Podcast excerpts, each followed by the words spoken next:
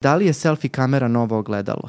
Kompletna jedna promena života u realnosti je jedini način da mi u stvari izgledamo i da budemo bolja verzija sebe. Ima neki koncept u plastičnoj hirurgiji da. koji se naziva zoom boom. Kada mi pogledamo svoju sliku koja je ulepšana, koliko to utiče negativno na nas. Gojazne osobe su sklonije psihijatrijskim poremećima, poput depresije, poput visokih nivoa anksioznosti.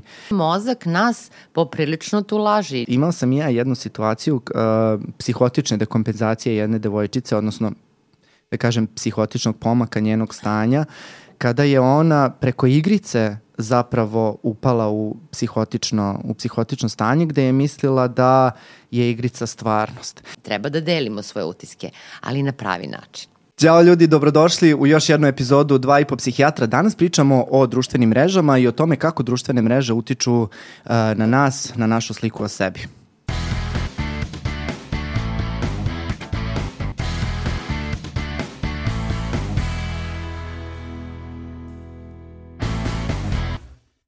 Olivera, opet smo tu na starim pozicijama da, da pričamo o sasvim jednom potpuno drugačijem novom konceptu.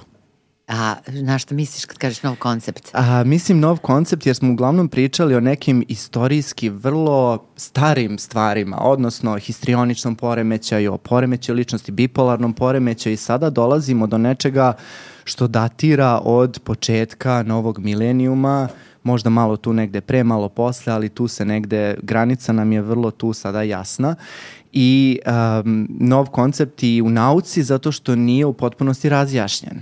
Hoćeš da kažeš, eto, konačno nas dvoje 21. veku. da, da, da. Dobro, okay. Mislim da tako. Stigli smo u novi milenijum. Stigli smo. Evo, Evo nas ljudi, stigli smo u novi milenijum. Dobrodošao ti meni u 21. vek. E pa hvala ti. E, za, s obzirom da smo došli u novi milenijum, da ja tebe pitam, Prvo pitanje, molim te da mi kažeš da li ti obrađuješ svoje slike na Instagram i zgoreću od ovaj, znati želje da saznam to. Znaš šta, dobro da me nisi pitao koje je tvoje iskustvo iz kliničke prakse u vezi sa ovom temom, nego da bude nešto vezano za mene. Pa moram da ti kažem da ne editujem slike, odnosno ne, ne retuširam slike, ne korigujem svoje fotografije koje stavljam na Instagram, ali e, otkriću ti jednu tajnu zašto to ne radim. Zato što, između ostalog, postavljam neki postovi iz VIPA psihijatra, a moram priznati tokom svog višedecenijskog Koje su već re, retuširane, to ćeš da kažeš. Upravo to hoću da kažem. Jer tokom svog višedecenijskog bavljanja medijima i na radiju, dobro, tu nema slike, jel, na televiziji ima i tekako, moram priznati da nikada nisam bolje i mlađe izgledala tokom više decenija nego u dva i po psihijatra. Da, da. Tako da, apsolutno, sa uživanjem, ono što Uroš i Dejan urade, ja postavim na svoj Instagram. Da. Podeliš sa svima. Podelim sa svima, tako je.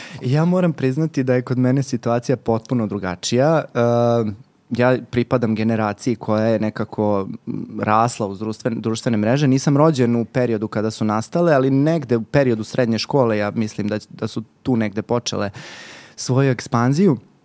I uh, moram priznati da ja sada ne znam ni jednu osobu iz moje okoline koja na neki način ne predstavlja sebe u boljem svetlu nego što to zapravo jeste. Da li je to putem retuširanja slika, da li je to putem, um, a mislim da je to sad još češći fenomen, uh, pravljenje stotine i stotine slika pre nego što se jedna slika izbaci. Ja moram priznati da ne mogu ni da krijem da i ja to radim i svi moji prijatelji, cela moja okolina.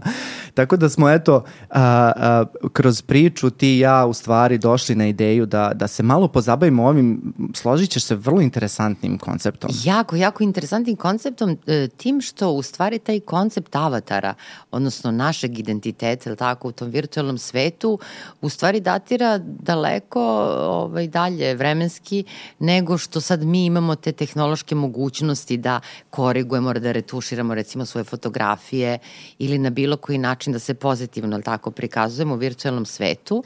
I sad si me asocirao na jedan fenomenalan feministički manifest koji je nastao 80. godina 20. veka čuvena Donna Haraway koja je napisala manifest e, za kiborge je upravo uh, opisala uh, da kažem da mi da ljudi s kraja 20. veka i da kažem početkom 20 21. veka smo u stvari svi postali neka vrsta kiborga i da kiborzi su naša ontologija, da praktično taj, kako ga ona naziva, www self, jel, ili e, internet sopstvo, da eto budem u duhu srpskog jezika, ovaj, je nešto što očigledno postoji pa eto, ajde da računamo nekih 50 godina unazad.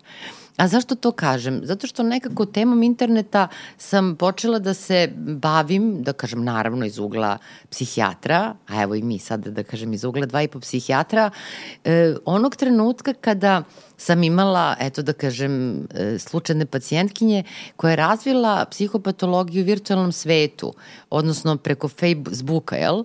Ona je imala svoj Facebook nalog i onda je jednostavno jednog momenta e, imala utisak da je jedan mladić koga, koji nju nije poznavao i koga ona nije poznavala, da je zaljubljen u nju i da praktično ovaj, je postavio kamere po celom gradu i da je prati i tako dalje. Tako da nekako ta priča o patoplastici psihopatologije u internetu i uopšte u virtualnom svetu nama pokazuje koliko vreme u kome živimo takođe menja i neke, da kažem, ne samo kliničke slike u okviru psihijatrije, već takođe utiče i na naš doživlje nas samih. Da, meni se e, izuzetno svidela e, ta rečenica Done Harave gde su se generalno predstavili ljudi kao neka vrsta sobstvenog avatara u elektronskom svetu i to nekako sada i viđamo ne znam da li si upoznata, ali sada je popularno da imaš svog avatara i više ljudi ne koriste one emotikone ili emojije, nego koriste svoje sobstvene avatare gde imaju uh, uh, jednu minija, minijaturni figuru sebe koju šalju i tako, tako predstavljaju, ali mislim da Dona nije mislila na tu vrstu avatara da se ljudi ne zbune, nego na neku uh, prefinjenu ur, uh, verziju sebe koju predstavljamo drugim ljudima, odnosno ono što mi želimo da budemo, tako se predstavljamo široj, široj publici. Naravno, ali znaš kako, to su stvarno neki vizionari. Recimo Donna Haraway, pa onda Marshall McLuhan, pazi, on je napisao Gutenbergovu galaksiju, on je čovek umro tamo negde 80. godina i on je pre toga uveo taj termin globalizacije, globalnog sela. Naravno, ljudi ga tada nisu u potpunosti razumeli, jer oni su mislili da on misli na TV formu. Međutim, to su zaista genijalni ljudi, kako, kakvi su predikcije oni imali, mm. šta će da se desi za pola veka. Mislim, to je stvarno fantastično. A kad kažeš avatar, ja moram da ti otkrijem tajnu, to je da je moj avatar napravila moja sestričina kad je imala četiri po godine, tako da je moj avatar nije plavuša, nego jedna crnka s kratkom kosom, onako A, sa eto, širom, vidiš. da. Ona je stvari napravila onako svoj lik i onako mi zdušno poklonila, tako da ja imam svog avatara. Sjajno. Mada malo drugačije izgleda. A sad zamisli kada bi to analizirali, recimo ljudi, zašto Olivera ima avatara žene koja ima crnu kratku kosu? Mislim, koliko nekad su odgovori prozaični prozaični yes. i evo, u ovom mom slučaju, jel, znači nema veze sa mnom, ali to je ona čuvena, znaš ona Freudova rečenica, uh, kada je jednom rekao cigareta je nekad samo cigareta. Mm. Znači ne moramo sve da psihologizujemo i od svega da pravimo, jel tako, neka posebna naučna tumačenja. Da sve analiziramo, zašto si tako, tako je. sela, zašto tako mašeš rukom, zašto si tu grimasu napravila i tako dalje. A ono što je zabluda među ljudima stvarno jeste da mi sve analiziramo i nekad u nekim trenucima uh, ljudi su mi stvarno rekli da kada sedu preko puta psihijatra zapravo vode računa o svemu. Da, o svemu, da. stvarno misle da mi baš sve čitamo mislim da je sreće da možemo, ali prosto nemamo tu vigilnost pažnje koja bi ispratila baš svaku sitnicu nad nečim.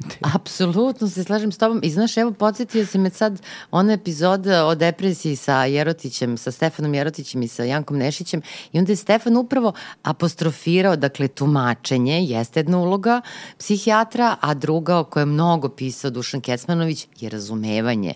Znači, mi im daleko više pokušamo da razumemo osobu preko puta sebe nego što što u stvari želimo da je tumačimo.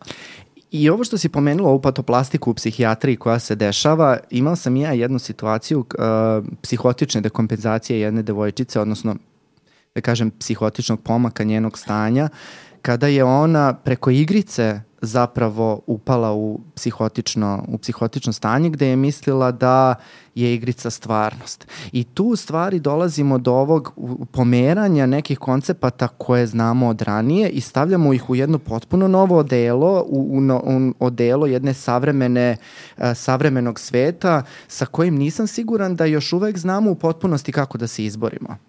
Ono je za nas potpuno novo. Ja znam kada sam stavila VR naočare, e, bila sam ispred svoje kancelarije, dakle jako dobro poznat prostor. I sada stavljam one VR naočare i vidim ispred sebe vrat od lifta, držim džojstike i oni mi kažu ajde sad pritisni, ja, oni naravno gledaju sve ono što ja vidim preko e, tih naočara, oni vide na laptopu, ja pritisnem, otvaraju se vrata lifta, ulazim, pritiskam, i odjednom se otvaraju vrata lifta i ispred mene je provalija i daska i kažu ajde kreni. Ja sam se zablokirala. Onda su moje koleginice, dragi Zorana i Bojana, isto pokušale blokada.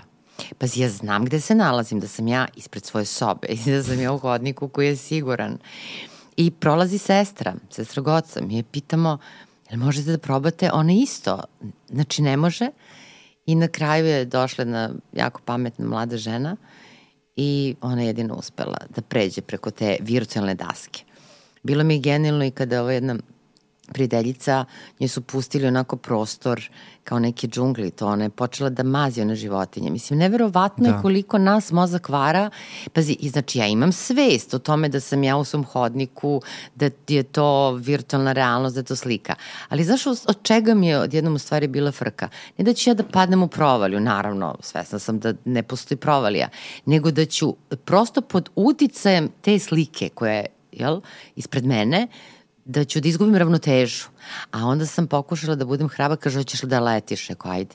Ja pritisnem one džojstike i počinjem ovako gore dole, međutim tu sam onako počela da lažem sebe, onako malo čkiljim, kao ne smem ipak da gledam, blažim se, razumem. Ali zaista sam imala taj doživljaj i vestibularnog sistema i on se aktivirao kao da tonem, pa onda polako ra. Tako da mozak nas poprilično tu laži. Nije ta virtualna realnost baš, da kažem, nešto uh, što mislim da će jako brzo postati deo naše svakodnevice. Tako da... Tako je, to je u stvari i neka od najvećih dilema koliko mi u stvari možemo da odvojimo tu virtuelnu stvarnost ili virtuelnu realnost od svakodnevne realnosti i koliko u stvari do koje mere je tu preplitanje, do koje mere mi možemo da povučemo crtu i da kažemo e, ovo je potpuni virtual, a ovo je stvarnost.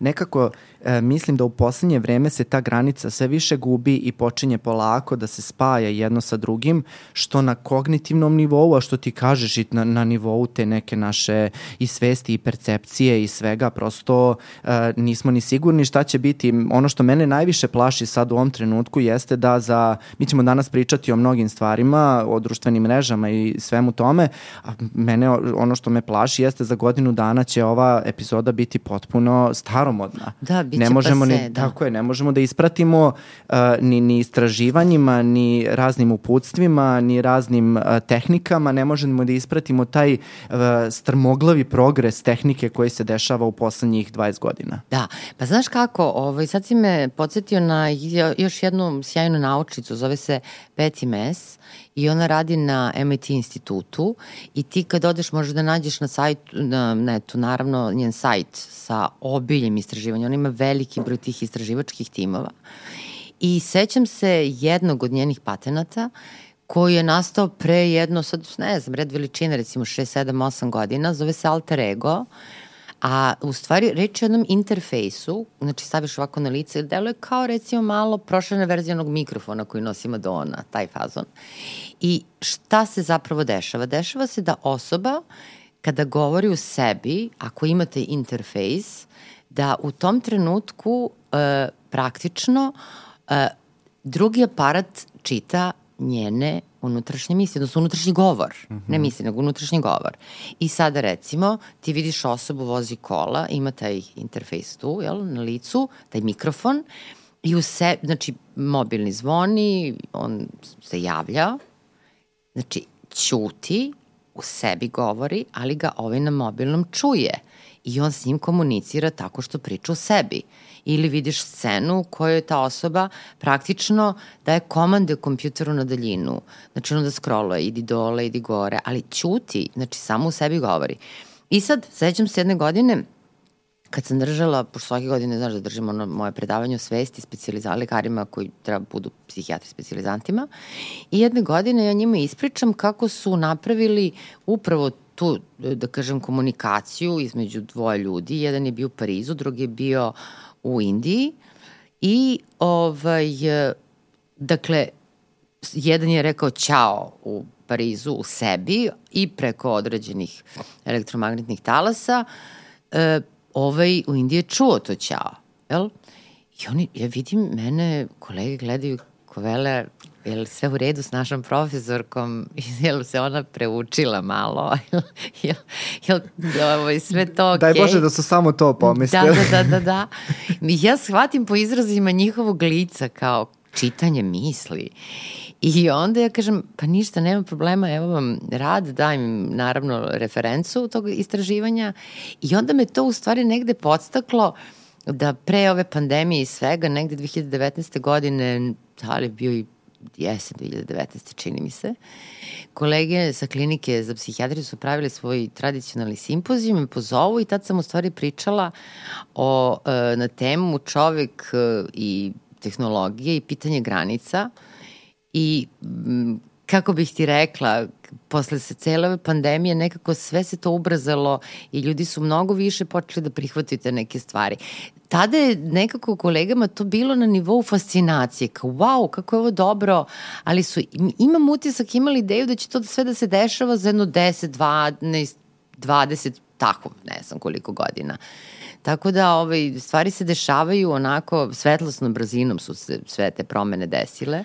Pa ne znam kako bih ti rekao, da mi je neko rekao da će e, ova artificial intelligence, sad ja ne znam kako se to kod nas... Veštačka. Ova, vešta, da, ve, veštačka inteligencija, a, da će da dobije svoj self i da će da ima emocije i ne znam šta se sve dešava u poslednje vreme i da može da mi napiše doktorat na bilo koju temu, da mi je to neko rekao pre pet godina, ja, da me pita u stvari šta misliš kad će tako nešto da se desi, ja bih rekao pa moguće da će se desiti za neke 50 godina. Međutim, da. evo, boga mi, na pragu smo ogromnih promena koje e, mislim da nismo ni svesni, e, nismo ni u mogućnosti da u potpunosti obuhvatimo našom svešću, da, da kažem. Da, pa evo kad si to pomenuo da može da napiše doktorat, znaš što je dobra vest? Ovaj, nekoliko puta pomenja naš dragi kolega, ja mislim da već svi očekuju da vide kako izgleda Danilo Pešić. Ovaj, Koji ne može da priča o štucanja, verovatno koliko ga pominjemo ovde. Tako je, i bit će uskoro sa nama ovde, ovde, jel? Ovde, da. Da, između tebi i mene. I ovaj, mi je dao pre nekih možda 15-20 dana e, link sa osam najčešće korišćenih, da kažem, tih ovaj, sajtova do duše, nisu u pitanju programi, znači svakome je slobodan pristup, a tiču se primene veštačke inteligencije za, recimo, pretraživanje naučne literature. I znaš što je fenomenalno? Što sam naišla da postoji detektor e, veštačke inteligencije. Znači, ako sad ti uzmeš recimo ovaj, i napišeš neke, ako ti veštačka inteligencija napiše tekst ili, napi, ili delić tog teksta iskoristiš u svom radu, tačno ti ovaj program provali uh, koliko tekst je pisao čovek, a koliko zapravo veštačka inteligencija. Tako da su znači to ide u oba stvari. smera, da, ide u oba smera, da, što je dobro. Što da. je jako dobro. Da, da, Tako da. da su to neke fenomenalne stvari. Ali kada se govorimo o tim socijalnim mrežama, one mm, postoje dovoljno dugo, da ipak imamo neko iskustvo i neki odnos prema njima. Ja se sećam da sam svoj Facebook nalog otvorila neke davne 2008. godine i to sam ga otvorila u stvari bila ideja nas nekoliko prijateljica, kao nećemo da otkrivamo svoj identitet, nego samo da mi tako međusobno ovaj, komuniciramo, ali postoji ona čuvena izreka curiosity killed the cat, je li tako? Mm. ovaj, ili ti znatiželje ubila mačku, radoznalost je ubila mačku i šta se desilo? Ja sam jednom shvatila, jao, pa tu su moji prijatelji koji sad žive u inostranstvu, jao, pa moji prijatelji iz osnovne škole, pa iz srednje škole, pa s fakulteta, pa iz ove životne faze, iz one. I samo je krenulo u stvari da se širi mreža prijatelja, Tako da je to jedan nezaustavljiv proces, a onda sam primetila u stvari koliko je Facebook vremeno menjao svoj, diz, svoj dizajn.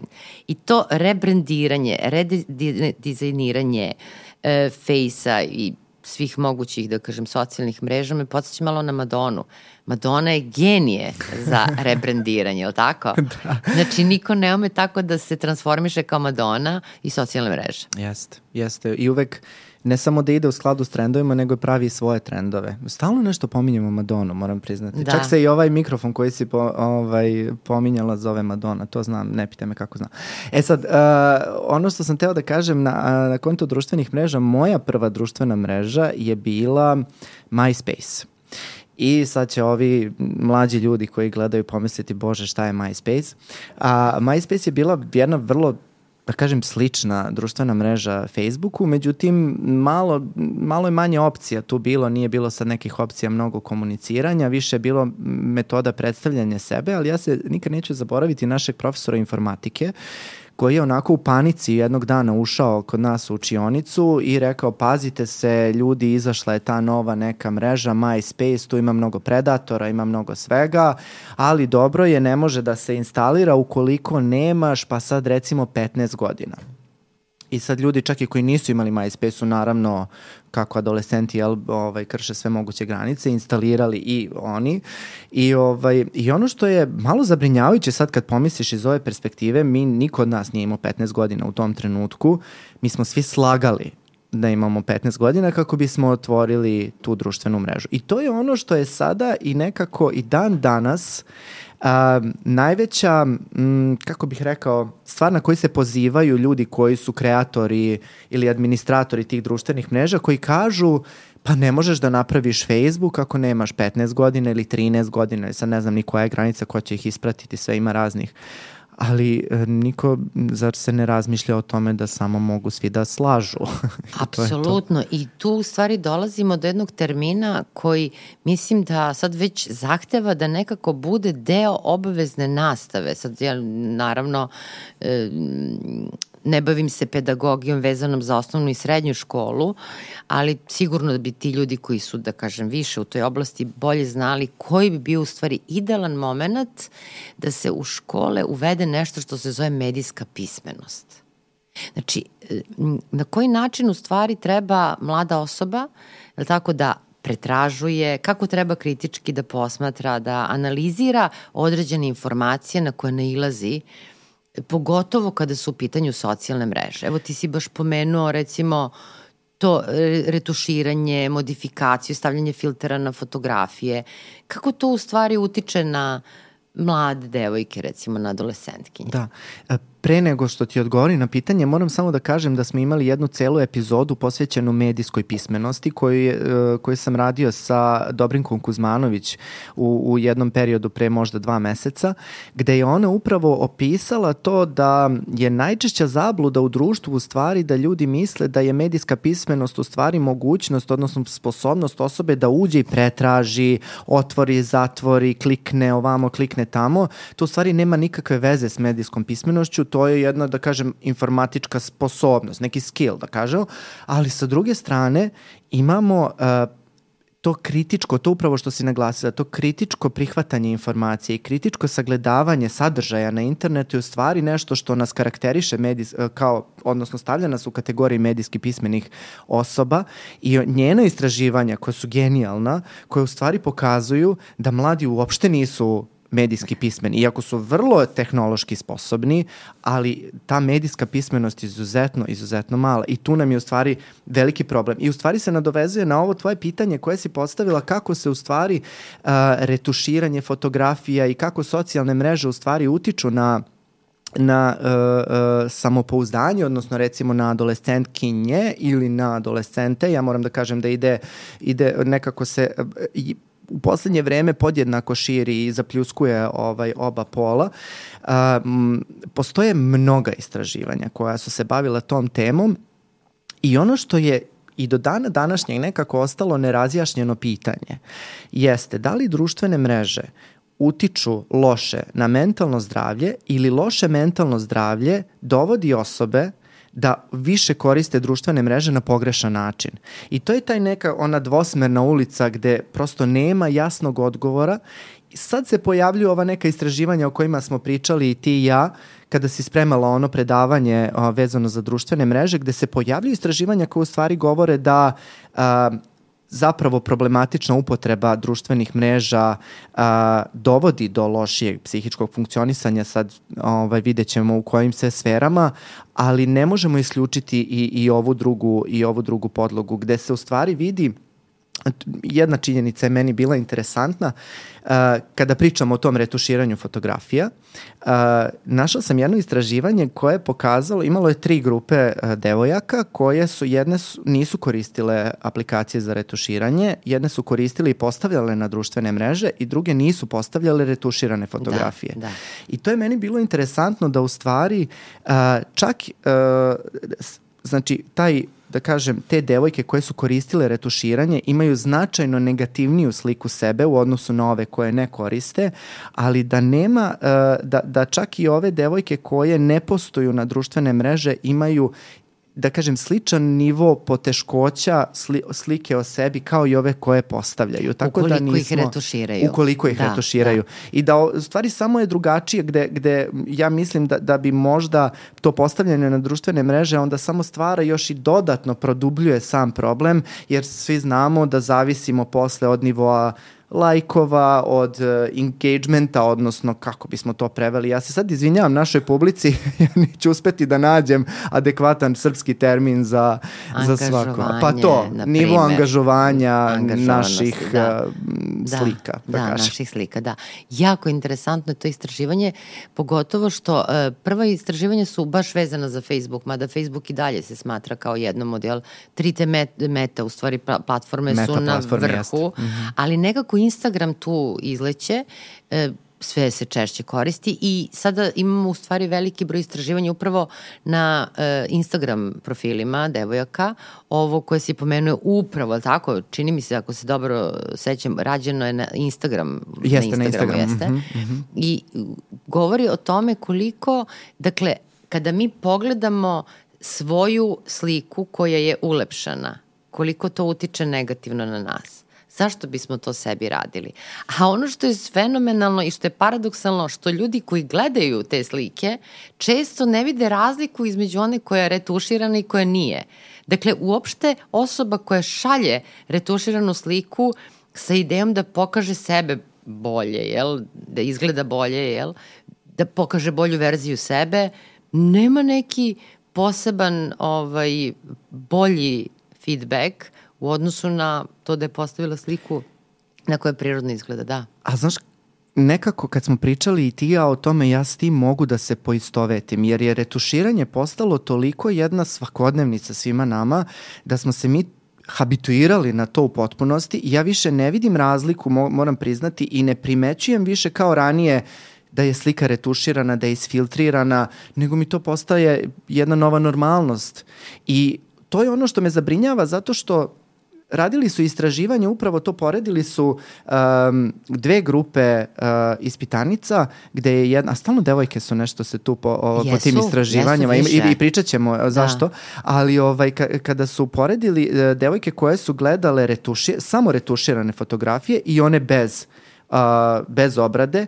One devojke koje su samo retuširane fotografije gledale su imale tu negativniju sliku sebe i većih problema sa svojim telom. Da. I veću a, sklonost ka poremećajima ishrane i to ćemo, ovaj, to ćemo malo pominjati. U stvari koja se poprilično tu dovodi u vezu, jer tel, odnos prema telu i tekako ima veze sa onim o čemu smo pričali sa koleginicom Marijom Đurovića, to je su pogotovo među poremećima ishrane čuvena, ono, kada kažem čuvena, nažalost čuvena još uvek ne tako redko prisutna anoreksija nervoza, da.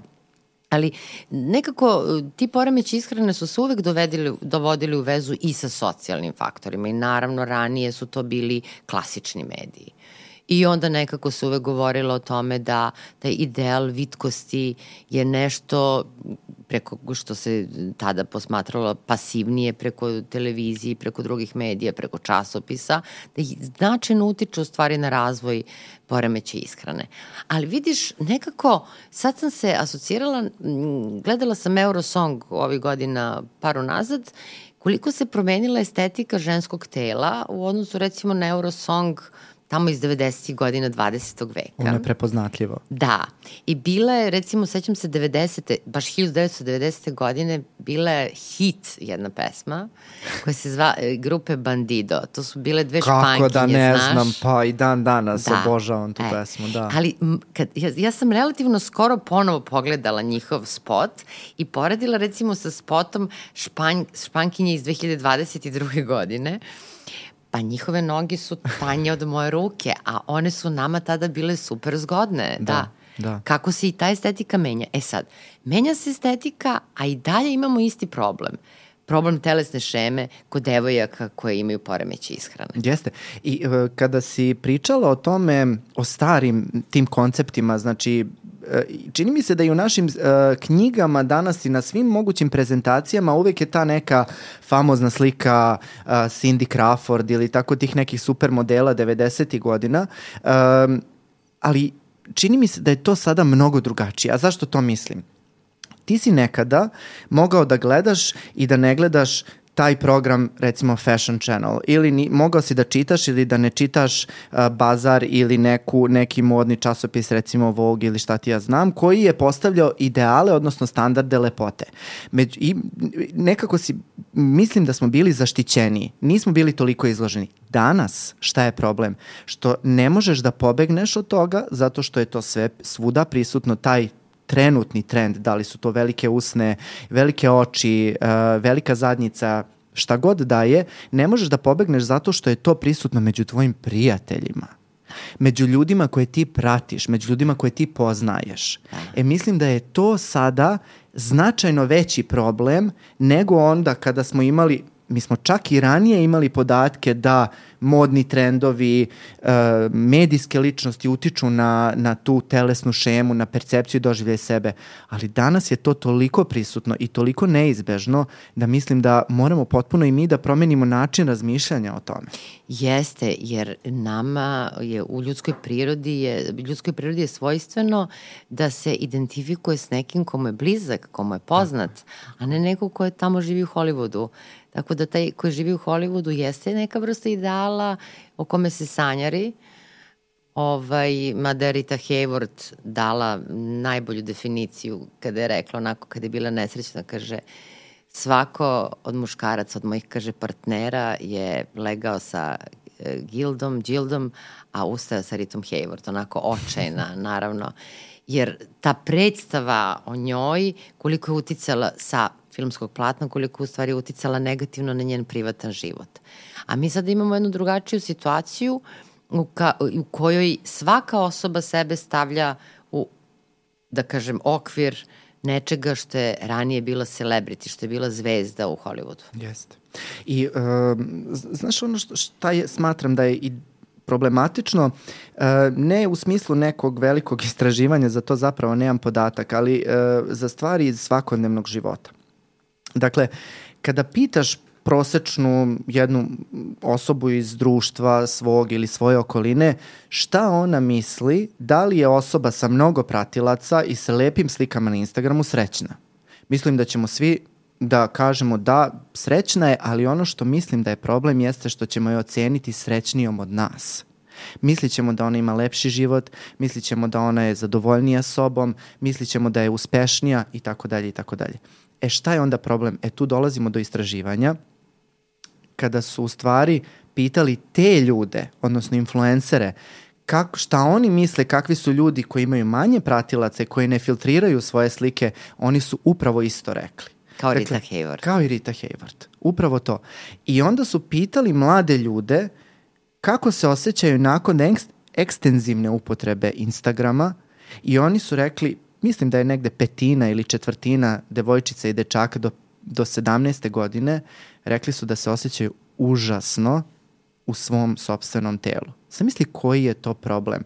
I ocenili su Instagram, ima sad taj jedan grafikon gde je Instagram ocenjen kao najgora društvena mreža za taj doživljaj sebe i sobstvenog tela Sopstvenog i guranja u poremeće ishrane. Neverovatno. Stvarno je. I e, šta je u stvari bio odgovor Instagrama, to mi je tek potpuni hit. Znači, kao uh, jedna ideja koja onako u samom startu delovala vrlo kako bih rekao, interesantna ideja, da se sakrije broj lajkova. Da, da, da ti ne zavisi uh, ocenjivanje slike u odnosu na to koliko, odnosno kvalitet slike da se ne gleda u odnosu na to koliko lajkova imaš, pošto se to de facto radi, niko ne od nas ne može da pobegne tome.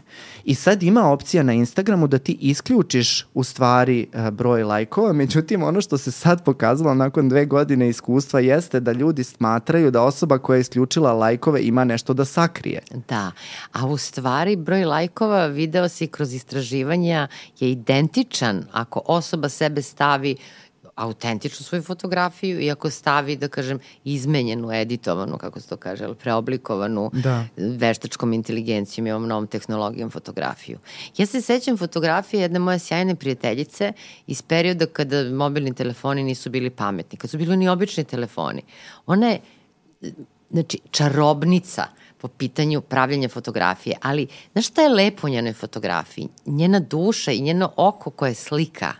Znači, to šta ona može da vidi u ambijentu, u drugom čoveku, u atmosferi i šta ona ume da prenese na vrlo jednostavan način, bez neke posebne tehnike, u stvari govori o njoj. E, to je u stvari pravi pristup, da kažem, prikazivanja sobstvenog doživljaja realnosti i deljenja sa drugima. Jer treba, treba da delimo svoje utiske, ali na pravi način. To samo nekolicina ljudi tako posmatra. Nažalost, um, dosta sam drugo, dugo na društvenim mrežama da ne mogu da se složim sa činjenicom da su filtrirane fotografije često isto lajkovane kao nefiltrirane fotografije. Mislim da to danas nije slučaj. Možda ako su filtrirane fotografije filtrirane na način da se ne vidi da su filtrirane, e onda mogu da se slažeš. To, to da. to, ono, to što si rekla u pomoću ovaj, uh, inteligencije Absolutno, ove veštačke. Pa da. evo, videli smo zajedno onaj jedan rad uh, koji čak mislim da si pomenuo, da recimo uh, u pitanju su bile devojke koje su stavljale fotografije znači, svog tela i retuširano onako malo kao uži struk, jel? I da ljudi uopšte nisu primetili da postoje razlike između tih fotografija, nego su ih registrovali kao iste. Da. Znači uopšte nisu pravili, nisu primećivali razlike na zna, njihovim telima. E, znaš šta se još dešava? Imam dve stvari ovaj, koje si me asocirala sada. A, prva stvar je da, da ima jedna aplikacija sad nova koja se trenduje, zove se Be Real. I a, nije ona sad nešto popularna kao Instagram ili kao Snapchat ili kao TikTok, ali poprilično se trenduje. To je aplikacija u kojoj ti sada uđeš i slikaš ono što se nalazi ispred tebe ili ono kako se ti kako izgledaš u tom trenutku bez ikakvog filtera. I ona na, nailazi na ekspanzivni rast. Ja mislim da ono 350.000 posto ona porasla u poslednjih godinu dana i to upravo govori o tome koliko i mladi sada shvataju da su obmanjeni, da prosto potreba postoji za nekim realnim sadržajem, da, da, da je taj, moment retuširanja uzeo tolikog maha da nam se svima smučio. Ja moram priznati da se meni više smučio, ali mogu da zamislim tek ono mladim ljudima koji su izloženi gomilama mnogo više sadržaja u tom nego, nego, ovaj, nego ja sam. A E, još sam nešto teo da kažem vezano za, za aplikaciju. Da, e, ono što su e, e plastični hirurzi e, videli e, jeste da sada postoji trend da žene pogotovo žene, muškarci, ali pogotovo žene, dolaze na plastične operacije sa svojim filtriranim slikama. Znači, nekada su dolazili sa slikama, recimo,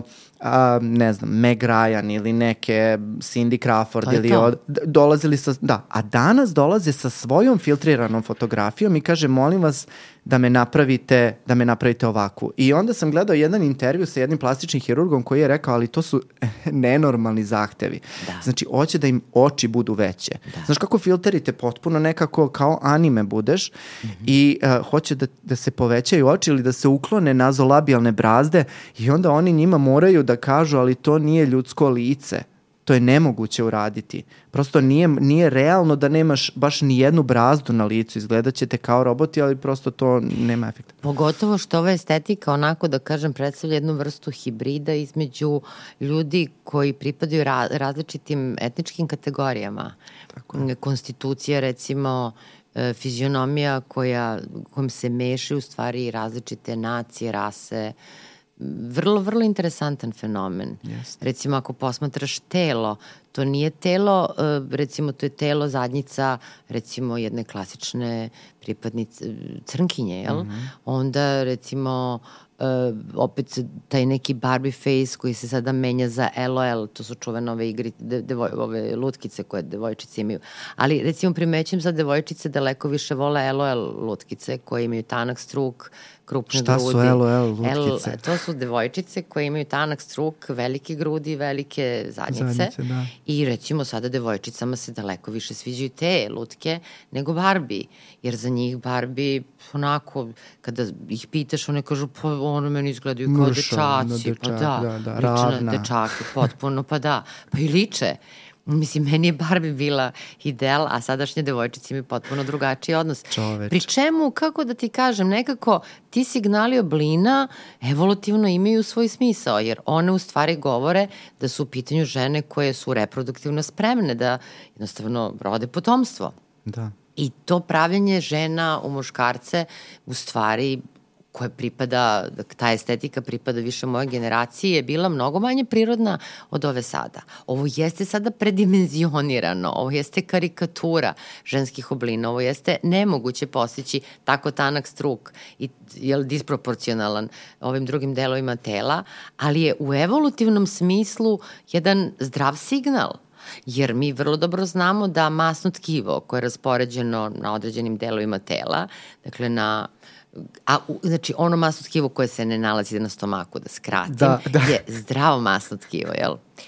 Mislim, ukoliko se nađe na stomaku, ono u stvari govori već o nekoj drugoj vrsti patologije. Da, da. Kada reče nemoguće je postići, e upravo iz tih razloga se dolazi do uh, nemogućih i zahvata. Znači, ljudi se obraćaju na neke sulude procedure kako bi sebe napravili upravo tim idealima trenutnog tog trenda koji je u tom trenutku aktuelan. I ono što sigurno nisi znala, naš sam taj podatak, ja sam se šokirao kad sam video, ima neki koncept u plastičnoj hirurgiji da. koji se naziva zoom boom. Ne. Šta je zoom boom? Zoom boom je u stvari fenomen nakon a, pandemije da. gde je bila jedna ogromna, uh, jedan ogromni skok u uh, količini plastičnih operacija koji je nastao nakon uh, nezadovoljstva ljudi svojim izgledom na kamerama na Zoomu. Zato što su uh, ljudi mnogo vremena provodili na videokolovima, na različitim uh, sastancima i tako dalje. I Sećam ono što je se da, svi se sećamo i ono što je problem u stvari kod toga o čemu niko nije razmišljao, sad kad sam pročitao to istraživanje sam se i setio, da u stvari one prave taj e, kamere na laptopovima i kamere generalno na kompjuterima prave taj neki to se zove fishbowl efekat odnosno taj malo nos nam je malo veći imaju taj neki e, drugačiji drugačiju neku perspektivu kada se snima izbliza i ljudi su onda imali uh, drugačiju percepciju sebe, su se samo gledali na tim kamerama, na tim kamerama konstantno i onda su mislili da imaju mnogo veće noseve, mnogo veće pore, mnogo drugačiju Da fizionomiju lica, da su grozno. ostarili, da, jer se svaka pora, svaka bora se videla i tako dalje i postoje ogroman skok u nivou, u količini u stvari ovaj, uh, operativnih zahvata na licima ljudi nakon pandemije. A tu u stvari dolazimo do jednog jako važnog, da kažem iz perspektive psihijatra fenomena, odnosno dijagnoze koju nazivamo dismorfofobija i sećam se jednog mladića koga smo lečili na odelenju, koji je bio izuzetno lep i jako inteligentan i uspešan. Studirao je i socijalno vrlo vešt, vrlo je onako da kažem bio omiljen među svojim prijateljima. On nije mogao da prihvati svoj ten. Mm. Dakle, kada bi stao da se obrije i ukoliko bi ugledao svoje lice, on je dobio napade panike, jer nije mogao da podnese da na njegovom licu postoji jedna jedina mala fleka. Ono što je on očekivao od svog lica, to je da bude kao lice tek rođene bebe. Dakle, bukvalno nije smeo da sebe pogleda u ogledalo, a bio je izuzetno lep. To su jako teški e, problemi za lečenje. E, ne javljaju se ta, toliko često nama kao što dobro znaš, mnogo manji broj u odnosu na ukupan broj ljudi koji imaju, a da pojasnimo tako ljudima da dismorfofobija podrazumeva, dakle nije u pitanju klasična fobija, već je u pitanju poremeće telesne šeme koji podrazumeva da osoba ne prihvata u estetskom smislu neki deo sebe, bilo da je to u pitanju lice, deo lica, nos, uši, već koji deo, ja, lica ili čak telo, pa nekada čak i kompletna telesnu šemu, imaju velike probleme i u uspostavljanju nekada partnerskih relacija, nekada ni nemaju, ali recimo znam za osobu koja nije nikada htela da izađe na e, plažu, zato što nije htela da obuče kupaći kostim, jer je imala utisak da ako obuče kupaći kostim izađe na plažu, da će svi onako u šoku da gledaju ružno telo te osobe. Iako ta osoba nije imala, imala je prosečno telo normalno kao i, da kažem, većina ljudi. Mislim da bi trebalo da naglasimo upravo ovo što si super rekla, a to je da se najređe javljaju psihijatrima, da, da. najčešće se javljaju plastičnim hirurzima i oni ih obično upute kod nas ukoliko ne žele da iscrpe sve pare od te osobe u prvom navratu dok se ne, ne vidi da je to u stvari ovaj, odnelo svu šalu. I to da kako da približimo ljudima to na, sve vreme me asociraš na neke realitije i serije koje sam gledao jer je to dosta zastupljen a, dosta zastupljen fenomen ali se ne naziva dismorfofobija nego se naziva nekako se ismeva i predstavlja se na neki onako način sa gde se gleda sa gađenjem i gde se gledaju kao neka cirkuzanska stvorenja. E, svojevremeno sam gledao jedan um, reality na onoj obskurnoj televiziji TLC-u ovaj, ali šta ću, voleo sam da gledam te gluposti i ovaj, zapravo sam i video taj reality koji se uh, bavio upravo tim uh, ekstremnim i brojnim hiruškim zahvatima gde se vidi u stvari koliko osoba pati, koliko je osobi teško zbog neke ili svih karakteristika svog sobstvenog tela i ima je ova serija koja se zove Nip Tak sa Davidom Duhovnik gde su oni plastični hiruzi gde u stvari tu se ovaj, provlači dismorfofobija ovaj, e, vrlo često. Ali ono e, što si, što si napomenula i što me asociralo to je taj pacijent koji je imao potrebu da izgleda kao beba. Verovala ili ne, postoje filteri koji se zovu teenage filteri gde ja i ti i kogod i Uroš i kogod hoćeš može da izgleda kao tinejdžer i to je postalo toliko viralno, toliko trendi da su ljudi postali jezivi da. kao one devojčice iz Shininga, znaš, one potpuno da. uh, uh, obskurne face na, na TikToku koje gledaš, a druga stvar i drugi filter koji mi je bio interesantan, koji je uh, proglašen za najpopularniji filter, ja moram da se podsjetim, zove se Bold Glamour. I ja googlam Bold Glamour. Bold Glamour je filter koji doslovno piše na Wikipediji pravi bolju verziju tebe. Mm -hmm. Mm -hmm. Koliko je to iz ugla naših kliničkih opasno. Ja ne mogu ni prosto da obuhvatim uopšte svojim, svojim mozgom tu činjenicu da postoji stvar koja te pravi artificijalno lepšom i ti sebe tako želiš da, da predstaviš. Kad kažeš boljom verzijom sebe, vidiš, mene si asocirao na jedan potpuno suprotan fenomen takozvanog pozitivnog filtriranja. Rađeno jedno istraživanje e, u pitanju su bile žene koje su na jedan potpuno drugačiji način percipirale e, estetiku. Estetiku, recimo, izgleda žena e, na fotografijama i e, one su potpuno drugačije pristupale tome i to se upravo zove pozitivno filtriranje, a da bolja verzija sebe ne podrazumeva u stvari posmatranje savršenstva, jel, idealne predstave slike o sebi, nego su one onako analizirale neke druge stvari i kretale su u stvari od jedne pozitivne šeme sobstvenog tela gde su u stvari samo vrednovale sebe na način da vole svoje telo kakvo god daje, jer ono je zdravo, ono je funkcionalno, da posmatrale su takođe nešto što se zove opšti utisak o nekoj osobi, da li je ona šarmantna, da li prosto sjaji jel, nečim, e, da kažemo, ima onaj faktor X, kako obično ga jel, tako nazivamo, a ne da su posmatrale idealne crte lica i koliko je u stvari to uticalo pozitivno na njihovo mentalno zdravlje.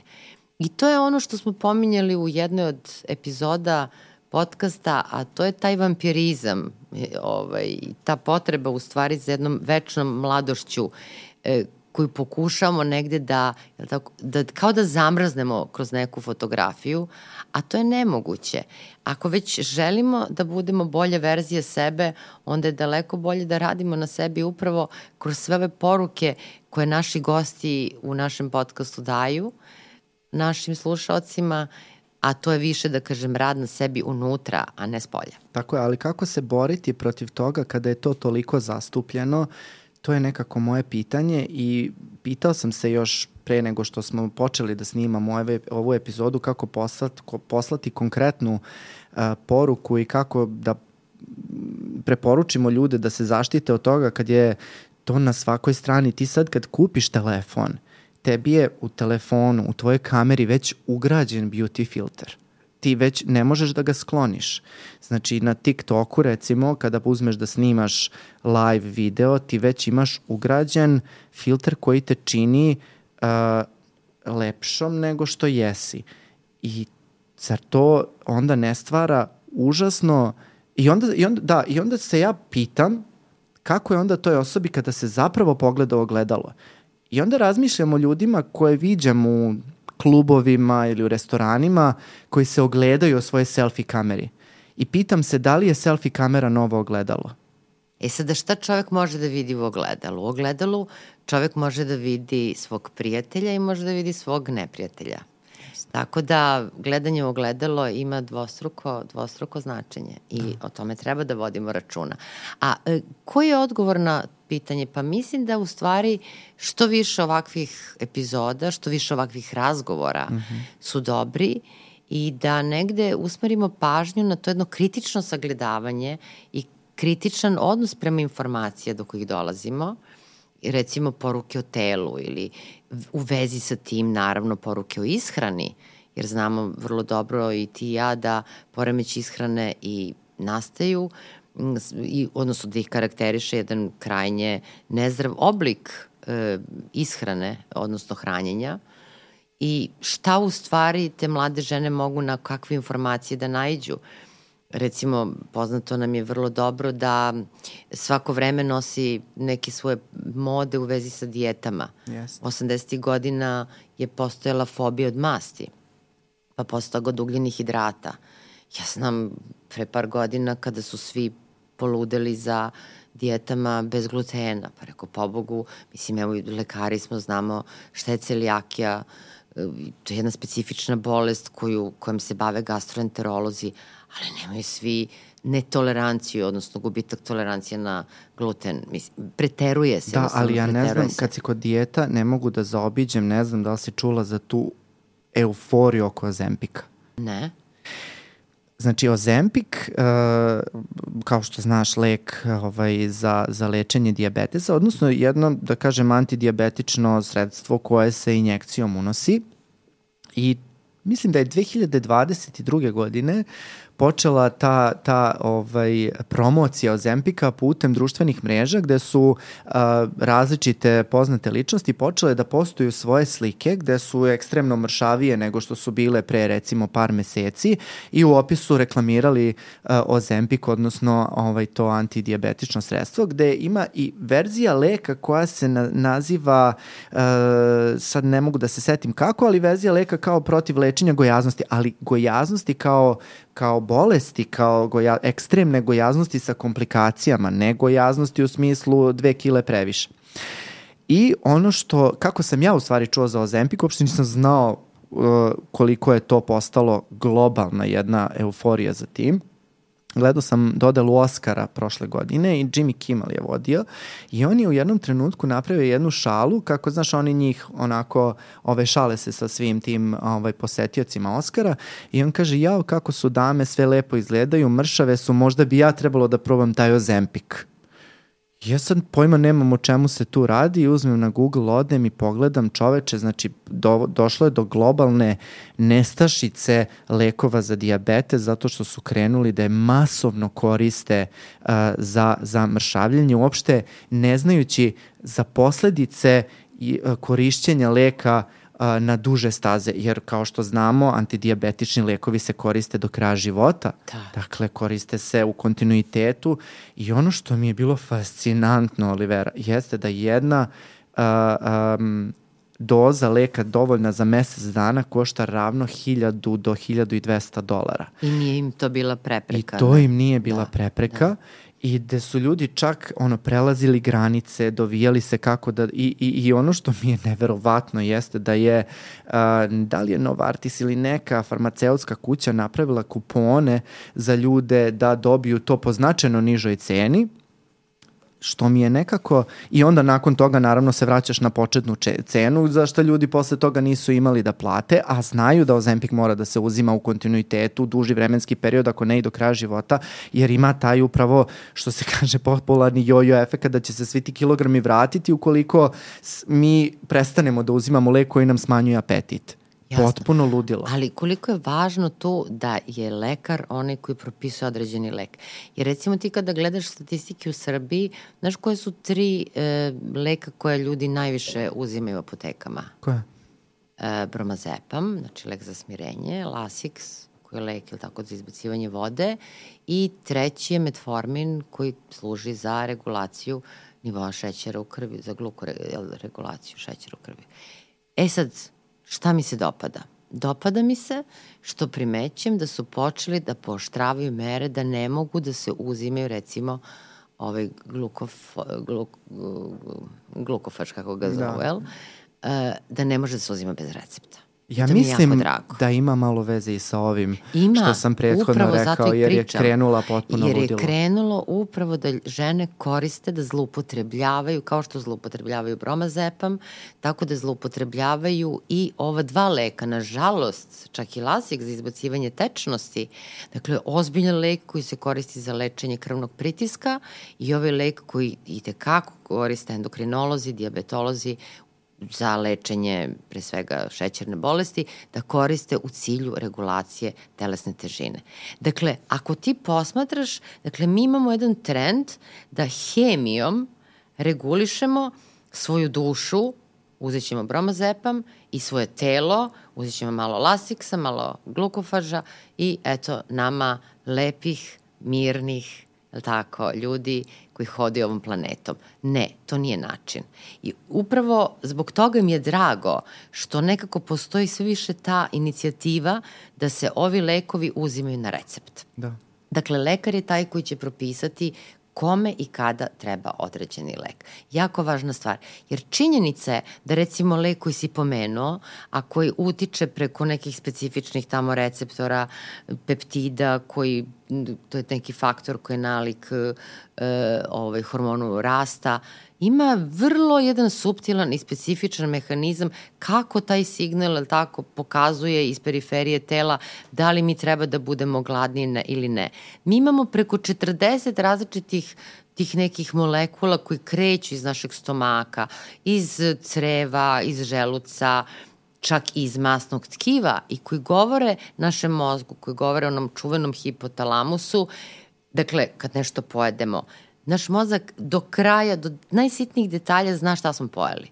Dakle, bukvalno zna kao kompjuter, analizu, sastav do molekul šta smo mi uneli u svoje telo. To mi nemamo kao saznanje Svesno na nivou svesti, jeli? Ali naš mozak je vrlo toga svestan. I sada ako neko na svoju ruku uzme lek koji bukvalno utiče na samo jedan od tih signalnih sistema, a pritom ima možda 2-3 kg više, e onda je to problem. Jer se ovi lekovi koriste kod ozbiljne gojaznosti. Mislim, gojaznost je jedan vrlo, vrlo kompleksan fenomen. Zvanično, to je ukoliko osoba ima indeks telesne mase veće od 30. Međutim, sada ono što je meni drago, se sve više u stvari pojavlja jedan trend, a to je da se gojaznost više definiše preko obima struka. Mm. Jer daleko je važnije, u stvari lošije po osobu ukoliko ima da kažem, veći stomak, odnosno širi struk, nego ukoliko je gojazna, jer taj indeks telesne mase može da bude preko 30 kod sportiste, da. pa da li onda on gojazan? Pa ni zato što je njemu praktično sve to u mišićnoj masi. Dakle, daleko je važnije ovo neko specifično masno tkivo koje se javlja na stomaku i koje se javlja ne samo unutar organizma, nego se javlja i u organima. Znači, u jetri, u pankrasu, u želucu, znači svuda imate te nezdrave masti. E, za takve ljude se koriste upravo lekove, ove koji si ti pomenuo, koji sam ja pomenula, i ta zloupotreba koja proizlazi u stvari iz verovatno i jedne potrebe, mi živimo brzo, hoćemo vrlo brza, kratka, jednostavna rešenja, a onda svi vrlo dobro znamo za taj čuveni jojo efekat i ti sada kada gledaš recimo te žene koje pokušavaju da postignu ideal te telesne težine koju vide na tim retuširanim fotografijama na različitim socijalnim mrežama ili gde god, u stvari šta se dešava? Pokazalo se da u 95% slučajeva, čak i kod teških oblika gojaznosti, koji su pod kontrolom nutricionista, znači ozbiljnom kontrolom lekara, znaš koliko njih, ovaj, znači 95% se vrati na staru telesnu težinu za kraći vremenski period od 5 godina. I ono što je važno i što lekari uvek govore, a to je ne, nije sve u hrani. Jer, mislim, reći da gojaznost nastaje kao problem uh, ishrane bi bilo isto kao reći recimo da je američka revolucija, da je uzrok američke revolucije bostonska čajanka. Mm. Znači, ne možemo svesti samo na hranu. Dakle, tu je toliko faktora spoljne sredine. Uh, kada spavamo, ako ne, ne legnemo u 10-11 uveče, mi smo pod velikim rizikom da ćemo da se ugojimo. Ako jedemo tokom večernjih sati, mi smo pod rizikom da ćemo da se ugojimo. Način e, našeg života, ukoliko sedimo više od 8 sati dnevno, mi poništavamo pozitivne efekte fizičke aktivnosti. Pre nedelju, dve dana sam upravo, da kažem, bila u timu odbrane jednog doktor, doktor, doktorske teze, fenomenalne, koje je pokazao da recimo studenti medicine nemaju baš nekog povoljnog efekta od fizičke aktivnosti. Šta misliš zašto? Zašto većinu vremena sede. Tako je, sede po 12 sati i onda praktično im se poništava efekt fizičke aktivnosti. Dakle, moramo da ograničimo i taj naš, mi stalno govorimo o tome, a strašno, mi sedimo i gledamo TV, ali šta preduzimamo? Dakle, kompletna jedna promena života u realnosti je jedini način da mi u stvari izgledamo i da budemo bolja verzija sebe. Sjajno si to rekla. Meni je samo u glavi bilo jedna stvar koja me strašno nervira i onako izbacuje me iz takta kada god pričamo o ovakvim nekim stvarima. Uh, a to je da sam video da uh, lekove, antidijabetične lekove i te neke kvazi dijete uh, promovišu ljudi koji se koji su skloni teorijama zavere u smislu neću vakcinisati svoje dete, neću koristiti antibiotike, neću verovati farmakomafiji, ali ću verovati Kim Kardashian i Ilonu Masku ako oni kažu da su od ozempika ili metformina smršali. E tu mi nije jasno kako je moguće da su to te i ti isti ljudi koji se sa jedne strane bore protiv farmakomafije i svega lošeg što medicina ume da ponudi, a sa druge strane veruju tako nekim ličnostima koje veze s vezom nema i gde u stvari možeš da dovedeš svoje uh, telo i svoj organizam u strašno opasno stanje. Pa da, znaš kako, ovaj, sad si me evo asocirao baš na jedan razgovor sa jednim mojim klijentom e, koji mi je svojevremeno rekao da je ubeđen da je COVID virus bakterija. Mislim, u pitanju je čovek koji apsolutno, njegova profesija nema nikakve veze s medicinom, čisto sumnjam da je čitao nešto iz mikrobiologije i da zna uopšte šta je bakterija, šta je virus. I mene to zainteresovalo. Onda sam ga pitala, dobro, a zašto vi mislite da je u pitanju e, bakterija, ne virus? On sam malo onako ljutio u početku, kao mislio da ga provociram ili da sam cinična. Ja sam zaista autentično želela da znam zbog čega tako razmišlja i on mi je rekao zato što sam to čuo od čoveka kome veruje. Prema tome, uticaj, medijski uticaj, upravo ide od onih ljudi kojima neko veruje.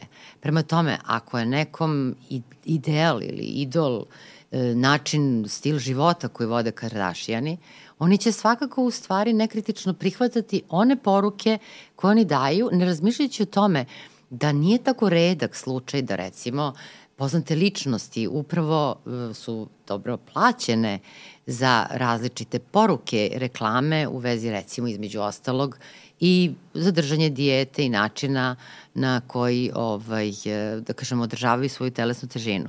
Mm, ne znam, sećaš se onih slatkih hollywoodskih filmova, recimo na Plavuš advokat i tako dalje, mhm. koja je kao pripadala nekom sestrinstvu tokom studija. Pa je onda bila advokat branile ovu jednu tu svoju, da kažem, prijateljicu i ona nije htela da izda tajnu, a to je da njen dobar izgled u stvari nije proizlazio iz telesnog vežbanja, nego tako što radila hirušku intervenciju. To je to. Znači, nije tako redak slučaj da mi vidimo modele u medijima i koji nama predstavljaju kako određene tehnike koriste, a zapravo potpuno na drugačiji način regulišu ne samo svoju telesnu težinu, nego i rade na svom izgledu. Da, to je upravo ovo što smo pričali o influencerima. Šta je u stvari deo njihovog influensa? To je u, to poverenje koje stiču od svojih pratilaca, odnosno koje uživaju od te svoje publike i onda e, poznato je, svi znamo neke od influencera koji mogu da prodaju bilo šta. Pa makar to bila i šarena laža, ali mogu da prodaju bukvalno bilo šta. I, e, ali moram priznati da postoji i druga strana cele priče i negde e, i tu krivica pada na nas, a kad kažem na nas mislim na, na stručne ljude u oblasti medicine. Uh, to je jedna stvar ko, o kojoj sam razmišljao kada, sam, uh, kada smo se dogovarali da ćemo da pričamo o poremećajima ishrane. Uh, jer postoje u poslednje vreme, pogotovo u poslednjih 20 godina, dve vrlo jake struje koje su nekako suprotstavljene. Dakle, sa jedne strane imamo uh, veliki jedan uh, pokret borbe protiv dijeta. Ovo i o čem, za što se mi u stvari zalažemo, to je taj borba protiv uh, kulture dijeta, kako je nazovu. Uh, kako je nazivaju, a sa druge strane imamo ogroman uh, uh, pokret koji dolazi sa zapada, zapljuskuje iz Amerike najviše, a to je uh, ogroman strah od te takozvane pandemije gojaznosti. Da. I uh, upravo tu se stvara jedan, uh, jedan veliki konflikt između te dve struje gde mislim da nismo svesni koliku štetu možemo da napravimo. E, zašto to mislim? Jedan plastičan primer. Znači, uh, dovodi mi majka uh, devojčicu uh, u razvoju sa nekih 12-13 godina uh, usled zabrinutosti za njenu telesnu masu ali dovodi kod psihijatra jer smatra da ona nema kontrolu u ishrani. U suštini tu je podloga da je majka ne može da podnese što je njena čerka po znacima navoda gojazna. I sad, mislim, mi znamo da prepoznamo neku, kada je gojaznost uzela maha i uz, dobila komplikacije, međutim, kod dece u razvoju je to vrlo, kako bih ti rekao, ne, nema veze da li je uh, devojčica, obi, obično su devojčice koje su mršave, smatramo da su narušenijeg zdravlja nego yes. devojčice koje su u većem, da kažem, ovaj, ve, veće telesne mase. I tu dolazimo do jednog ogromnog problema. Ta užasni strah od te gojaznosti koji je donela ta, ta, ta kultura zapada koji ima stvarno objektivan problem od gojaznosti, dolazi sada, prenosi se na sledeću generaciju gde se roditelji strašno plaše te komplikacije tog recimo diabetes mellitusa tip 2, da će, da će dete da razvije diabetes ukoliko hitno ne smrša. I onda se u stvari do, uh, dovode u situaciju da kreću da kritikuju nečiju telesnu šemu, kreću da kritikuju nečije navike u ishrani u periodu razvoja, u najsenzitivnijem periodu razvoja devojčice ili dečaka, to je adolescencija. I sad nađem ja jednu uh, vrlo interesantnu statistiku u me u stvari navela na ovo razmišljanje, a to je, ako imamo 100.000 dece, na primer, 120 dece će dobiti Downov sindrom. 15 dece će dobiti neku vrstu karcinoma. A 12 dece će da razvije diabetes mellitus tip 2, a 3900 dece će da razvije poremeće ishrane. I šta mi tu u stvari sprečavamo? Da. da li mi sprečavamo taj diabetes mellitus koji će se javiti u mnogo manjem procentu ili podstičemo poremeće ishrane kod naše dece? Jer upravo smo i pričali o tome i ti i ja šta su najveći trigeri za poremeće ishrane, a to su upravo ti komentari. Komentari bliskih osoba na račun telesnog izgleda, na račun uh, obrazaca ishrane ili bilo kakva restrikcija u hrani ili bilo kakva promena načina ishrane u tom osetljivom periodu, recimo držanje dijete koje vrlo lako može da okine poremeće ishrane, a ne samo dijeta, koliko imamo primjera da su nakon operacije krajnika, na primjer, devojčice samo nastavile da ne unose hranu, jer znaš kad izvadimo krajnike pa ne možemo da jedemo Jasne. par dana, pa se samo nastavi to. Znači, čak i tako jedna organska, somatska stvar koju ne možemo kontrolišati, a tek zamisli držanje dijete kakav haos može da napravi. A interesuje me, ta majka, jeste pitali, je li ona je kao mlada imala problem? Otkud je motivacija takve vrste uopšte da je, da je zabrinuta?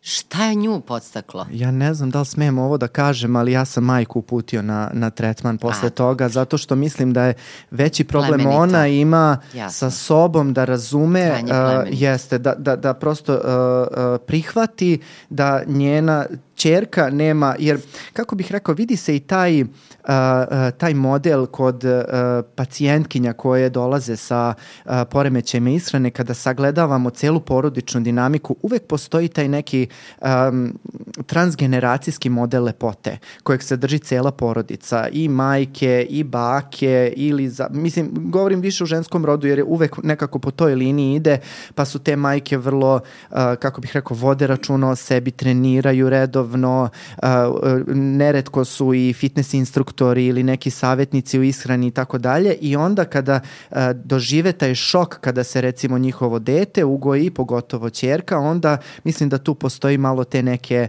ovaj, malo te neke projekcije nečeg svog nekog nezadovoljstva u, u decu i onda prosto dolazi do, do razvoja, odnosno zaleta zanosa tog poremeća ishrane kod dece. Ovo što si sad ispričao je tako dobra ilustracija nama dobro poznate teorije, a to je o toj specifičnoj majici devojaka koja razviju poremeće ishrane i koliko je važno da se prepozna na vreme. U slučaju, eto, prosto sreća te devojčice bila što se majka javila i što ste vi videli u stvari jednu kontrolišuću majku na delu i kako ste u stvari na prav, u pravom trenutku prevenirali nešto što je moglo da ode upravo u svoju suprotnost. Dakle, ne da ona smrša, nego da ode u poremeć ishrane tipa, recimo anoreksije, nervoze najčešće. E, I ono što je u stvari važno, ta gojaznost generalno, lepo si to rekao, znači s jedne strane postoji fobija od masti, a sa druge strane se sve više, ne samo da se govori o epidemiji, nego o pandemiji čak gojaznosti, negde od 80. godina 20. veka na ovamo.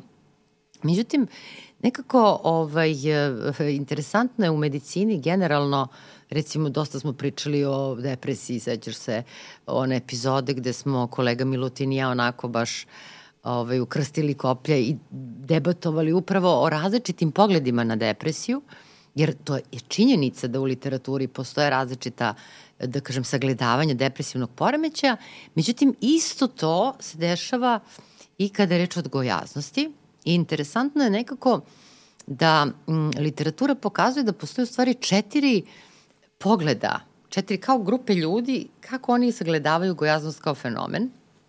Znači, postoje e, lekari, naučnici, koji smatraju da je gojaznost bolest.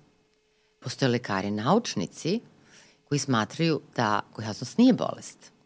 Postoje aktivisti koji smatraju da je gojaznost bolest i da treba prevenirati, odnosno da treba forsirati zdrave stilove življenja.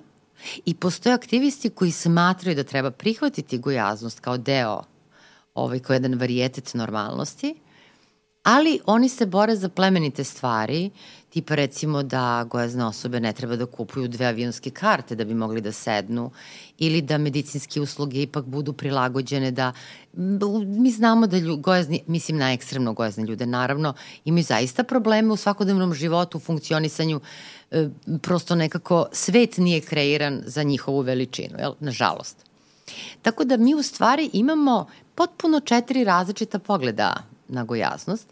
I mene pogotovo su interesovali ovi lekari, naučnici. Interesantan je jedan od njih, e, čini mi se, davno sam čitala, Paul Eisenberger, čini mi se se zove. E, on je preminuo negde 21. godine, 2021 u nekoj 65. godini života, koji je objavljivao ozbiljne radove i to baš onako na nivou molekula neurobiologije gojaznosti u vrlo ozbiljnim časopisima i koji je zagovarao ideju da je gojaznost potpuno jedna zdrava pojava. Ja se ne slažem sa takvom tvrdnjom. Nekako doživljavam tu gojaznost kao zaista jedan kontinuum, jer ako neko ima par kilograma više, pa čak znamo takođe da postoje ljudi koji i imaju prekomernu telesnu težinu, taj famozni indeks telesne mase preko 30 kilograma na metar kvadratni, kako se jel, izračunava, e, da mogu da budu fizički potpuno zdravi. U smislu da nemaju komplikacije telesne, da nemaju povišen nivo holesterola, masnoće u krvi, da nemaju povišen krvni pritisak, šećernu bolest i tako dalje. E sada, mi možemo da kažemo za takve osobe da su možda tromije, da se teže kreću, ali znamo koliko ljudi koji su normalne telesne težine ili koji su vitki. Ili ekstremno neuhranjeni, da, ili se ekstremno, teško kreću. Tako je, teško se kreću. Ili imaš normalne telesne težine, teško se kreću zato što nemaju kondicije, jer sede previše. Da. Tako da je u stvari tema gojaznosti daleko složenija nego što se nama na prvi pogled čini. I sada tu obično je fokus na držanju dijeta. A ono što smo pomenuli jednog momenta u ovoj epizodi jeste da dijete nisu rešenje, ako se posmatra izolovano, naprotiv, a mi smo u socijalnim medijima preplavljeni tim, tim slikama pre i posle. To je fascinantno. I sam znaš kako jo, to jest, izgleda. Jeste. To je, to je neverovatan fenomen. Znači, te, te slike e, nas tako? zapljuskuju sa svih strana. Apsolutno. A pri tome, i onako malo smo nekad skeptični da li to posle stvarno izgleda pos, baš tako posle. I kako to utiče na nekoga ko recimo pokušava da drži dijetu. Drugo, izjednačava se to, on je sad, znači, smršao, aha, to se izjednačava s tim da on sad zdrav. Zdravljem, tako je. I to je ono što mi najviše smeta. U celoj toj priči. Ja nisam uh, uh, pobornik ni jedne od tih četiri stvari koje si napomenula, jer mislim da u svakoj ima pomalo neke istine. Apsolutno. I može da bude. Uh, međutim, ono što mi smeta uh, jeste to izjednačavanje zdravlja sa manjkom kilograma, odnosno uh, vitka osoba jednako zdravlje, gojazna osoba jednako nezdravlje. A mi znamo znamo koliko to nema veze sa životom. E, ono što mi je takođe uh, uh, jedan interesantan podatak jeste da se konstitucija osobe u 80% slučajeva je nasledna. I uh, kao recimo, to je uh, uh, efekat nasleđivanja isti kao recimo boja očiju. I ja neću reći ako ti imaš na primjer plave oči, e idi molim te promeni oči, ne sviđaš mi se, uh, molim te prilagodi se meni jer ja ne mogu da te gledam. Ili, ili koliko su takve osobe stigmatizovane, pa se kaže za njih da nemaju karakter, da jednostavno kako nemaju snagu volje da drže dijetu, uh, što je vrlo nefer prema tim ljudima, jer pomenuli smo da hrana nije jedini izvor gojaznosti, a ta stigma poprilično prati te osobe, da su one proždrljive, što nije tačno.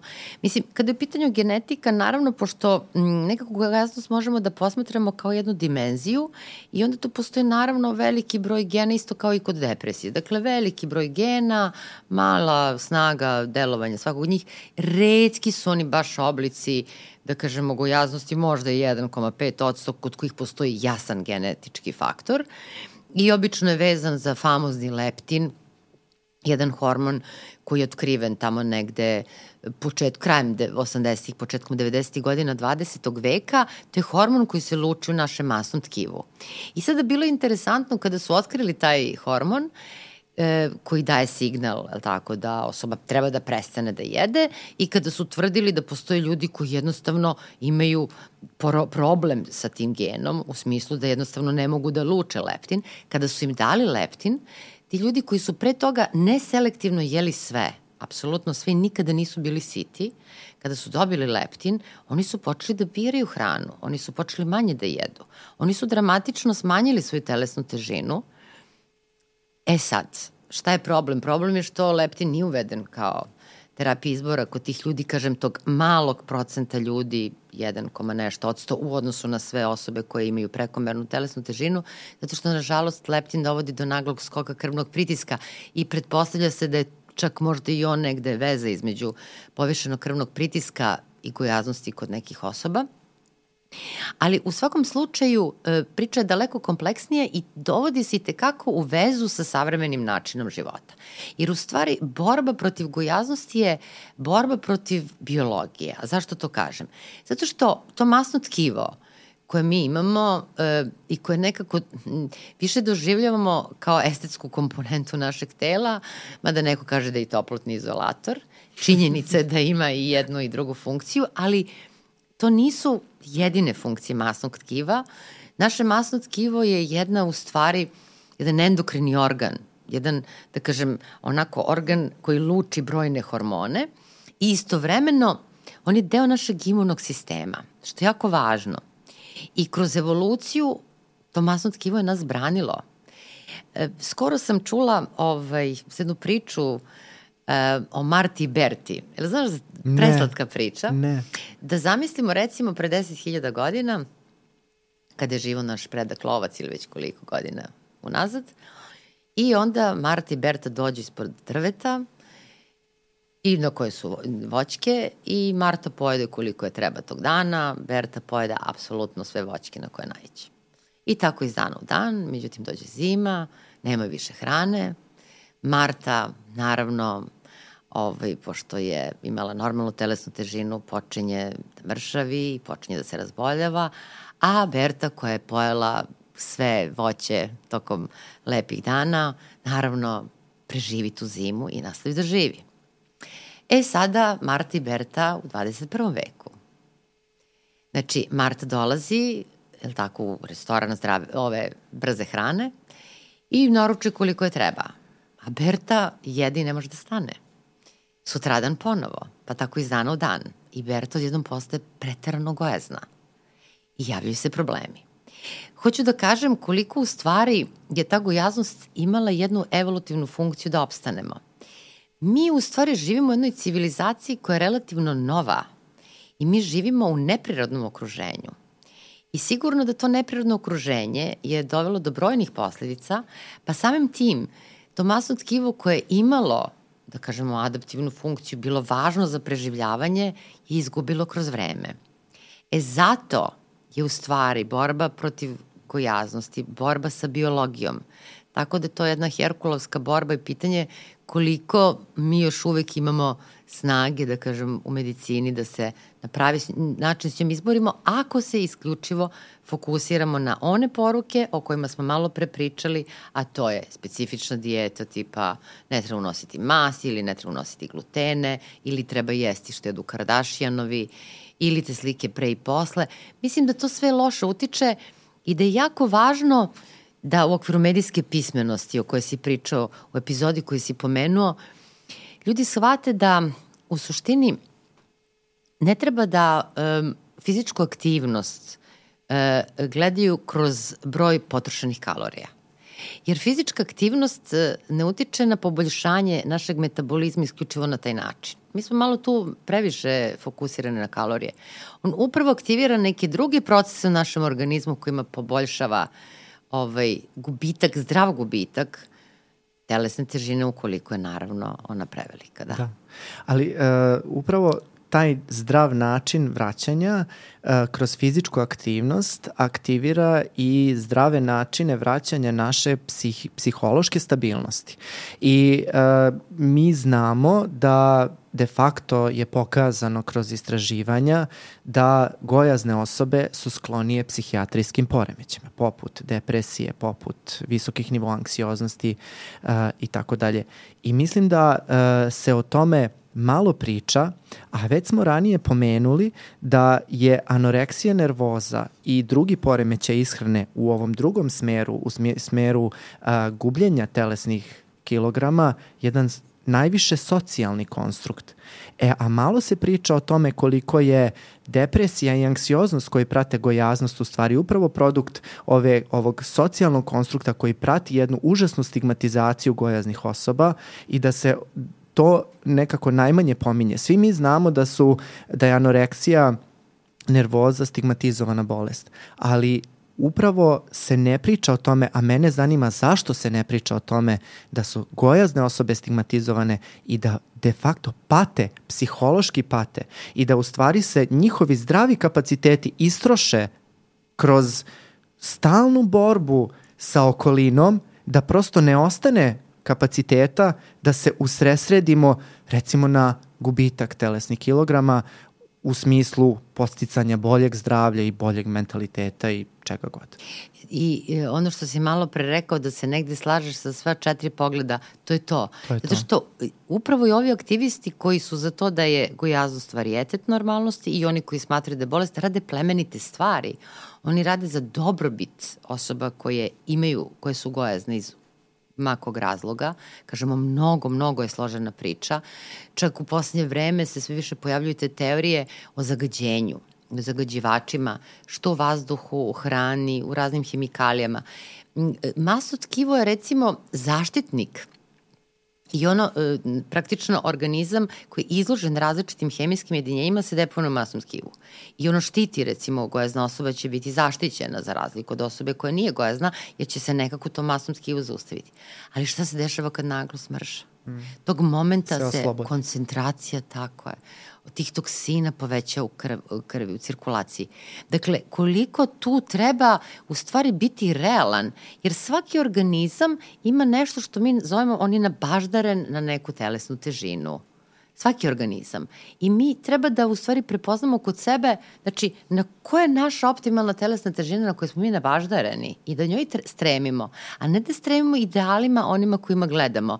Nekad je to bio TV, časopisi, sada su socijalne Tako je. mreže. Tako je i mislim da je ključno ovo što si napomenula da uh, svaka od ovih postavki ide iz plemenite namere, iz dobre namere i to mislim da treba da uh, samo o, budemo malo obazrivi iz, jer znam da nas gledaju razne kolege između ostalih i pedijatri. Ja bih, ja bih ovom prilikom želeo da apelujem na kolege kada su deca u pitanju, da vrlo vodimo računa o toj plemenitoj nameri, jer mislim da ta plemenita namera može da vodi u katastrofu koju smo opisali. Dakle, ako je dete iznad očekivane telesne mase za uzrat u periodu razvoja, ne moramo odmah da reagujemo na prvu loptu i ne moramo da do, donosimo preuranjene zaključke da će to dete umreti od koronarne bolesti za 20 godina. Tako. Možemo malo da pustimo. Možemo na neki subtilniji način da ukažemo, a ne da dođemo i kažemo, e, ti si pregojazna ili ti si gojazan, moraš da se ugojiš ili moraš da smršaš,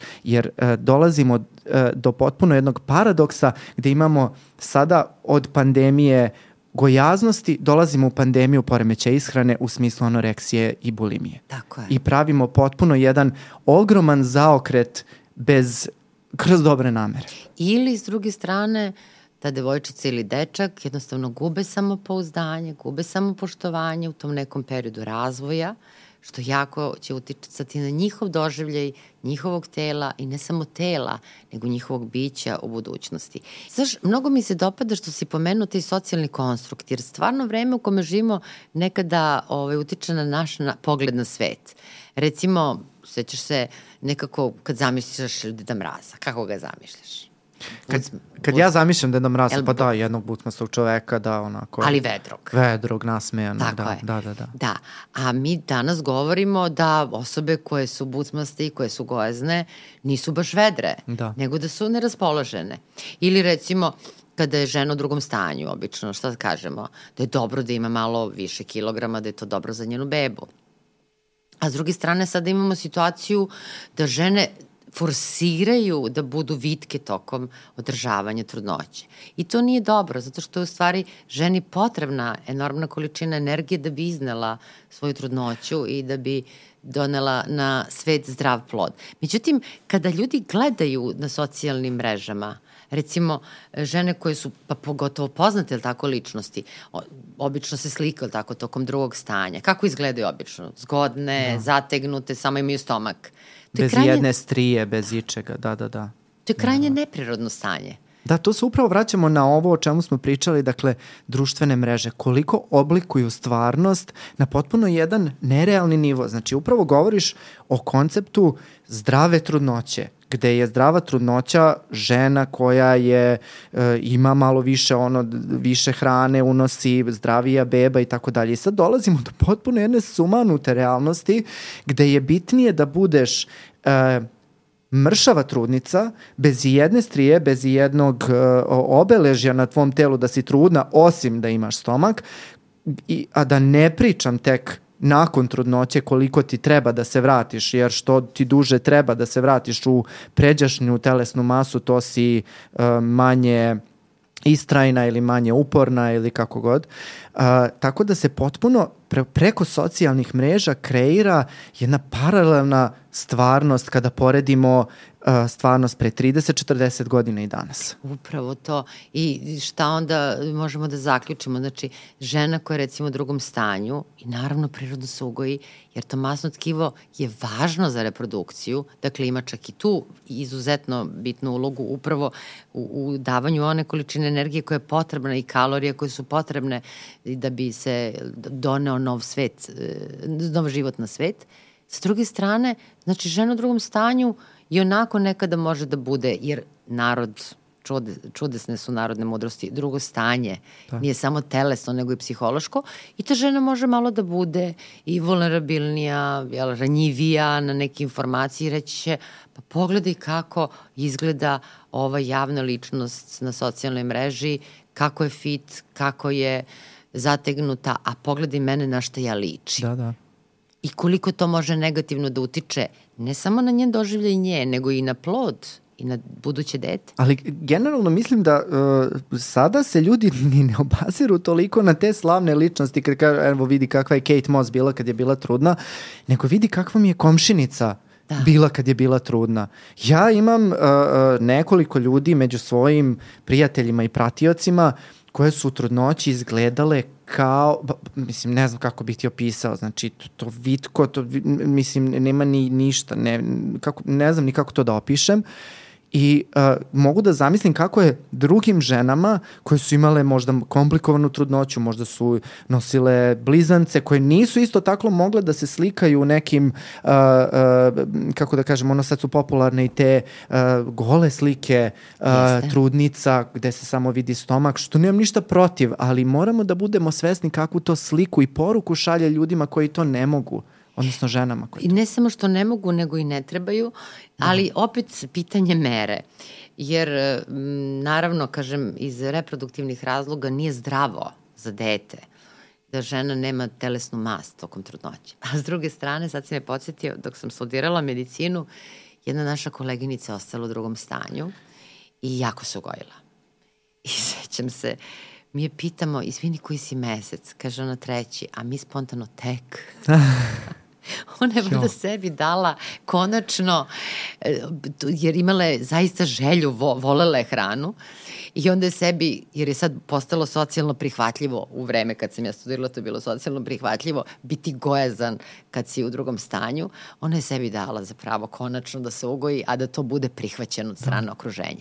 Naravno, ne treba ni preterivati treba imati meru, ali kažem, to masno tkivo je bitno, tako da te slike i ta predstava o ženama tokom trudnoće koje su zategnute ili Takođe, na socijalnim mrežama možemo videti što svoje poznanike, prijatelje ili opet javne ličnosti, svi koji su, jel tako, srećna porodica, svi su zadovoljni, ona sad mah vratila u stare farmerke koje je nosila pretrudnoć i tako dalje. I opet da utiče negativno pogotovo na mlade žene, na devojke, na njihov doživljaj sebe, jer kažemo, i to više puta smo ponovili u ovoj epizodi, mi se poredimo sa drugima, ali sa onima koji su u našem neposrednom okruženju. Tako je, a sad su nam mnogi u neposrednom okruženju i sa mnogo njih se poredimo i mislim da to stvara jednu ogromnu konfuziju nama samima i ja se brinem a, gde će nas budućnost odvesti u tom smislu da ne bude sad da smo uh, mi pesimisti i da osuđujemo uh, i, da, i sa druge strane da govorimo ljudima da budite najgojaznija verzija sebe, naravno da ne, hoćemo samo da predstavimo stvari onakve kakve jesu, nećemo da predviđamo šta nas čeka jer nismo sigurni, ali um, istovremeno moram da, da, da iskažem svoju bojazan uh, gde idemo, u kom smeru, ne sviđa mi se i nadam se da ćemo pomoću ovakvih podcasta i ovakvih emisija uspeti bar dva mišljenja da promenimo kod dvoje ljudi, meni bi to bilo dovoljno. Slažem se s tobom. Hvala vam ljudi što ste bili sa nama u još jednoj epizodi Dva i po psihijatra. Ukoliko vam se svidela ova epizoda, znate šta treba da radite. Klik ovde, klik ovde, subscribe i like, komentarišite nam vide, znate da uh, uvek odgovaramo i pravimo emisije prema vašim željama. Do sledeće epizode, vidimo se. Ćao!